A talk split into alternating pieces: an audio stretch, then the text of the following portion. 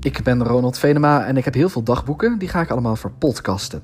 Dit tweede seizoen, mijn tweede puberdagboek, speelt zich af in 1993. Van toen ik 14 en later 15 was en over alles onwijs eerlijk schreef. In aflevering 19 kopen we met de familie een tweedehands caravan waarmee we door mijn vaders onhandigheid een gevaar op de weg blijken. Wordt mijn gitaarles bij Max onderbroken door iemand die 12 gulden 50 van hem wil hebben. En is het tijd dat ik een nieuw scheldwoord aan de mensheid in Nederland schenk.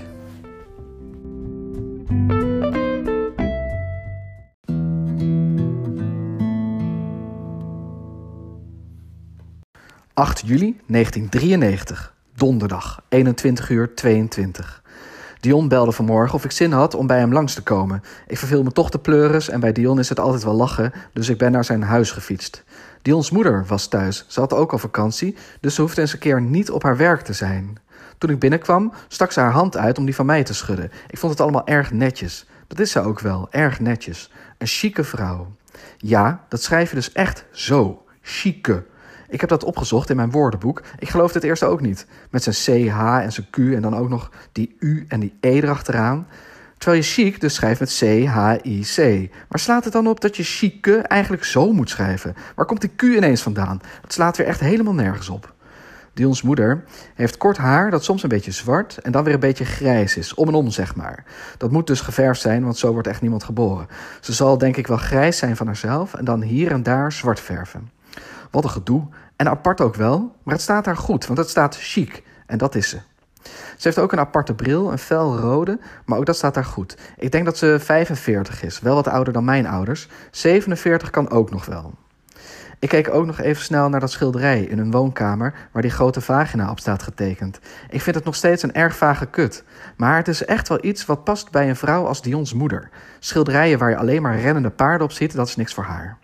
Boven zei ik tegen Dion dat ik zijn moeder nog nooit eerder had gezien. Hij zei: Oh, wat vind je van haar? Chic, zei ik. Hij humde, als dat een goed woord is. Ik bedoel dat hij hmm deed. Hij zei dat ze misschien chic lijkt, maar dat soms echt helemaal niet is. Hoezo? vroeg ik. Hij zei: Nou, in haar nachtkastje heeft ze bijvoorbeeld gewoon een vibrator liggen.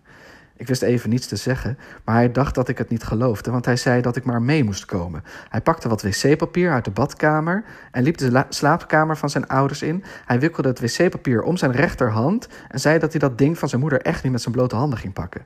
Hij dacht wel dat ze het vast schoonmaakte als dat gebruikt, maar dat je mensen daar nooit helemaal op kon vertrouwen. Ik knikte. Hij opende het nachtkastdeurtje en haalde met zijn wc-papierhand dat ding eruit. Het zag er echt heel anders uit dan ik had bedacht. Ik dacht, daar komt zo'n grote roze plastic lul met allemaal ribbels en zo. Maar deze was beige en helemaal glad. Niet al te groot en niet al te dik. Een keurige vibrator, een chique vibrator. Aan de onderkant zat een draaidingetje. Als je daaraan draaide, ging je trillen. Dion deed het voor. Zie je wel, zei hij, van mijn chique moeder. Dion vroeg of ik de trilling ook wilde voelen, maar dat hoefde niet van mij. Dus hij legde het ding weer op zijn plek. Op zijn kamer vroeg ik waarom zijn moeder een vibrator heeft. Ze heeft toch een man, zijn vader? Dion zei, zo vader, zo zoon. Ik begreep het niet en Dion legde uit dat zijn vader misschien ook wel een lul van maar 9,2 centimeter heeft. En dat zijn moeder dat gewoon echt te weinig vindt. En dat ze daarom een vibrator heeft gekocht. Dion zei ook dat zijn vader vaak pas heel laat thuis is van werk. En dat dat ook een reden kan zijn dat zijn moeder die vibrator heeft. Gewoon tegen de eenzaamheid. Toen lachte hij en zei: hey, en wie weet, Misschien gebruikt mijn vader dat ding soms ook wel. Ik lachte niet mee, want ik zat even na te denken. Dus toen zei Dion: Jezus, Ronald, voor zo'n hol. Dat vond ik wel grappig. En ik dacht ook meteen: zou dat dan echt lekker zijn voor mannen? Ik durfde dat wel aan Dion te vragen, maar hij zei dat hij geen idee had. En hij vroeg of ik een elektrische tandenborstel had, dan kon ik het zelf uitproberen. Ik heb geen elektrische tandenborstel, ik heb gewoon een ouderwetse waarbij je alles nog helemaal zelf moet doen. Dus daar komt het voorlopig allemaal even niet van. Nou, voor de rest hebben we wat zitten Mario karten en hebben we muziek geluisterd en MTV gekeken. Maar dat is niet zo boeiend verder. Om vijf uur ging ik weer naar huis. In de huiskamer zat Dions moeder aan de grote tafel waar ze allemaal papier op had liggen. Ze keek over haar rode bril naar mij en vroeg of we het leuk hadden gehad. Ik zei dat we vooral hebben zitten hangen en dat we hebben gaan Nintendo'd. Ik zei natuurlijk maar niet dat we haar vibrator hebben laten trillen. Ik keek nog even snel goed naar haar. Ja, echt wel chic hoor, dacht ik. En wat maakt het ook uit? Vibrators zijn echt niet alleen maar voor hoeren. Ook chique vrouwen mogen best een vibrator hebben.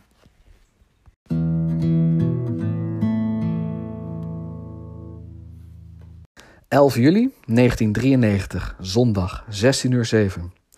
Mijn moeder moet altijd kotsen van lange autoritten, maar we gaan deze zomer toch naar Frankrijk. Met onze eigen caravan, die hebben we echt net gekocht. We zijn er met z'n vijven op gaan halen vanmiddag.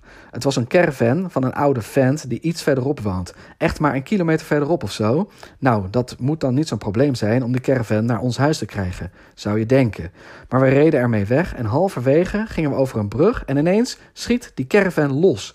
Mijn moeder natuurlijk gillen en mijn vader vloeken en hard remmen en de auto uitspringen.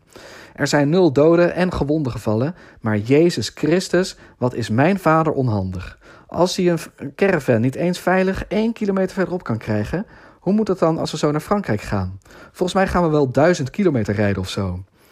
Ik hoop echt dat ik later wat handiger ben dan papa. Anders maak ik ook steeds dingen kapot in huis die ik dan ga repareren, waardoor het nog meer stuk gaat. We hebben bijvoorbeeld al een half jaar geen licht in het gangetje boven, omdat hij het wel even ging maken. Nou ja, we zien wel hoe we in Frankrijk komen. Hopelijk kan mam haar kots een beetje inhouden. Ze denkt zelf van wel, want ze heeft nieuwe polsbandjes. Blauwe polsbandjes met een wit knopje erop. Die witte knopjes peuren dan in haar polsen. En als we gaan rijden, wordt ze dankzij die polsbandjes minder wagenziek.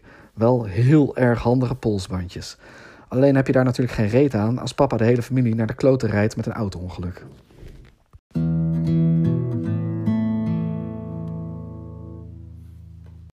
17 juli 1993, zaterdag, 14 uur 05.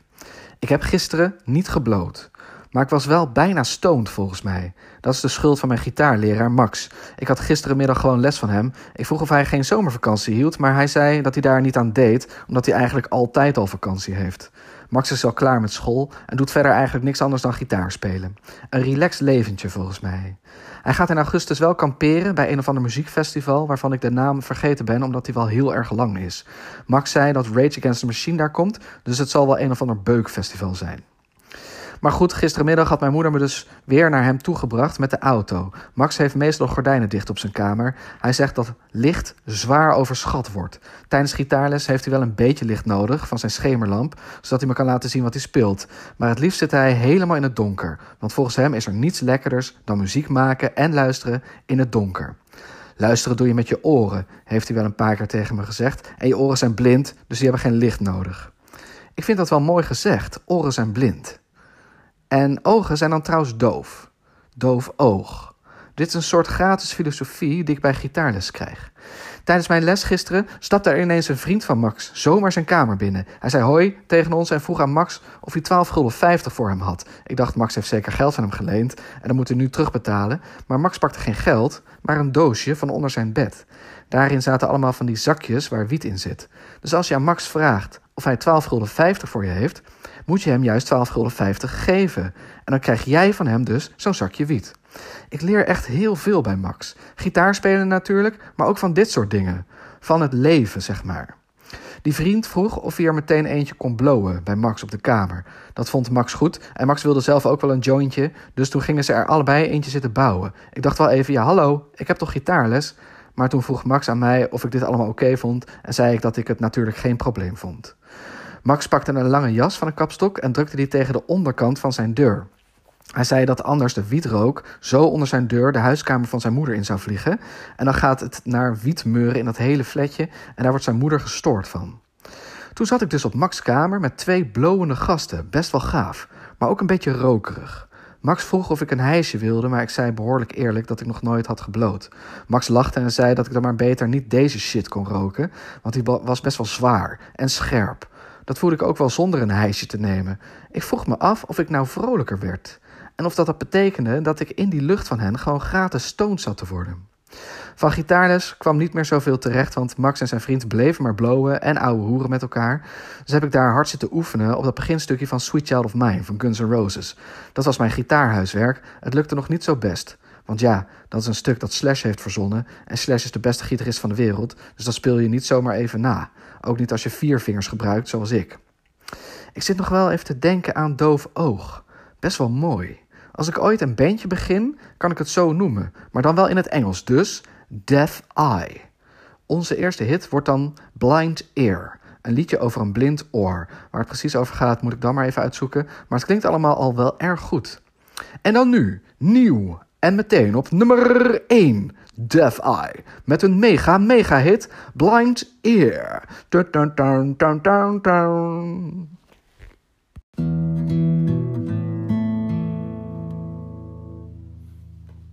18 juli 1993, zondag, 15 uur 16.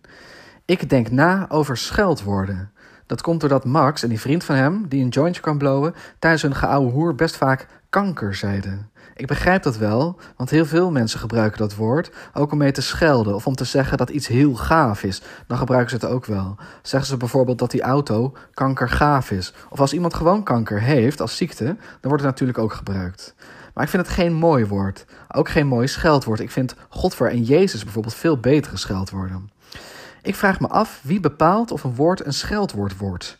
Gaat het woordenboek daarover, meneer Van Dalen? Ik wil zelf wel een scheldwoord verzinnen, want woorden als kneus zijn toch ook ooit door iemand verzonnen? Zo moeilijk kan het niet zijn. Ik denk dat mijn scheldwoord met een K moet beginnen.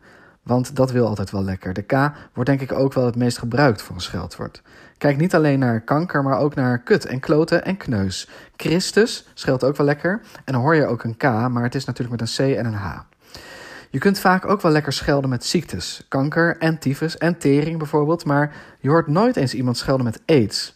Ik heb het wel eens geprobeerd toen ik een laag cijfer voor Frans had. Maar het klonk echt voor geen meter. Iets van ja hoor, ik heb gewoon een 3,6 voor de proefwerk. Echt wel aids. Hoor je wel? Klinkt echt niet. Maar ja, ik kan hier niet even een ziekte verzinnen en daar een scheldwoord van maken. Oké, het moet dus geen bestaand woord of een bestaande ziekte zijn. En het liefst moet het met een K beginnen. En het moet kort zijn, want lange woorden doen het niet als scheldwoord. Kijk maar naar magnetronmaaltijd. Ik zit te denken aan krus. Begint met een K, is kort en bestaat nog niet volgens mij. Ja, klinkt wel goed. Ik was gisteren een beetje ziek. Best wel krus. Nee, dat wijf wilde dus niet tongen. Echt krus. Mijn vader is echt onwijs onhandig met caravans. Ineens stond dat ding midden op een kruispunt. Dus hij schelde: De caravan! Krus! Ja, dat zou best wel eens een hit kunnen worden, mijn scheldwoord krus. Maar hoe krijg ik mijn woord in het woordenboek zodat iedereen het gaat gebruiken? Kan ik ze gewoon bellen? Dat ga ik later nog wel eens uitzoeken. Eerst maar zo nu en dan dat scheldwoord gebruiken, zodat de mensheid in Nederland er alvast een beetje aan kan wennen.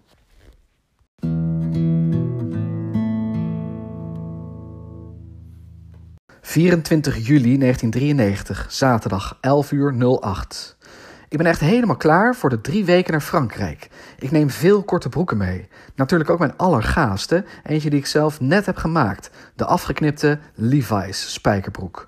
Als je denkt, wat zonde om een Levi's kapot te knippen, die zijn onwijs duur, dan kan ik zeggen, het was toch maar een neppe Levi's. In de brugklas wilde ik heel graag een Levi's. Maar toen we er in de winkel eentje wilden kopen, waren ze er niet in mijn maat. En mevrouw van de winkel kwam toen met een Levi's waar op de kontzak niet zo'n rood, maar een oranje labeltje van Levi's zat. Dat zei ik ook, maar die verkoopster zei dat het een heel bijzondere Levi's was. Mama zei dat het misschien een kindermaatje was, waardoor die er een beetje anders uitzag. Dat wilde ik allemaal niet, maar de echte Levi's met een rood labeltje paste ik niet, dus toen moest het toch maar deze worden. Volgens mij zijn we toen onwijs genept. Mama weet natuurlijk ook niks van Levi's, die loopt alleen maar in Edwin's spijkerbroeken. Ze is ook al oud. Nu heb ik hem dus verknipt. Ik pas hem gewoon nog, al zit hij wel wat strak. Aan de onderkant heb ik witte slierten van de spijkerstof gemaakt, die hangen nu over mijn knieën. Ziet er echt wel heel gaaf uit, een beetje Kurt Cobain-achtig. We gaan trouwens op vakantie met een andere familie, de familie Gerritsen. Dat zijn al heel lang vrienden van mijn ouders. Ze hebben twee kinderen, Marco en Sylvia. Marco is een jaar jonger dan ik. Hij gaat volgend jaar naar 2 HAVO, maar ik denk dat het toch wel gezellig wordt met hem. En Sylvia gaat naar groep 8. Mijn broertje kan dus met haar spelen. Wel kut misschien voor mijn kleine zusje. Voor haar blijft er niemand over. Maar misschien kan Vera vriendjes op de camping maken. En anders moeten pap en mam maar met haar spelen, want ik ben er echt te oud voor. En het is ook hun kind, dus hun verantwoordelijkheid. Dit was aflevering 19 van seizoen 2 van de podcast Alles Onwijs Eerlijk. Wil je me wat vertellen? Stuur een mail naar ronaldvenema78.gmail.com of zoek me op op Twitter, Ronald Venema. En nu snel de volgende aflevering luisteren. Een aflevering over de zomervakantie in Frankrijk, waar Kees Gerritsen op het strand veel te graag mijn moeders blote rug wil insmeren.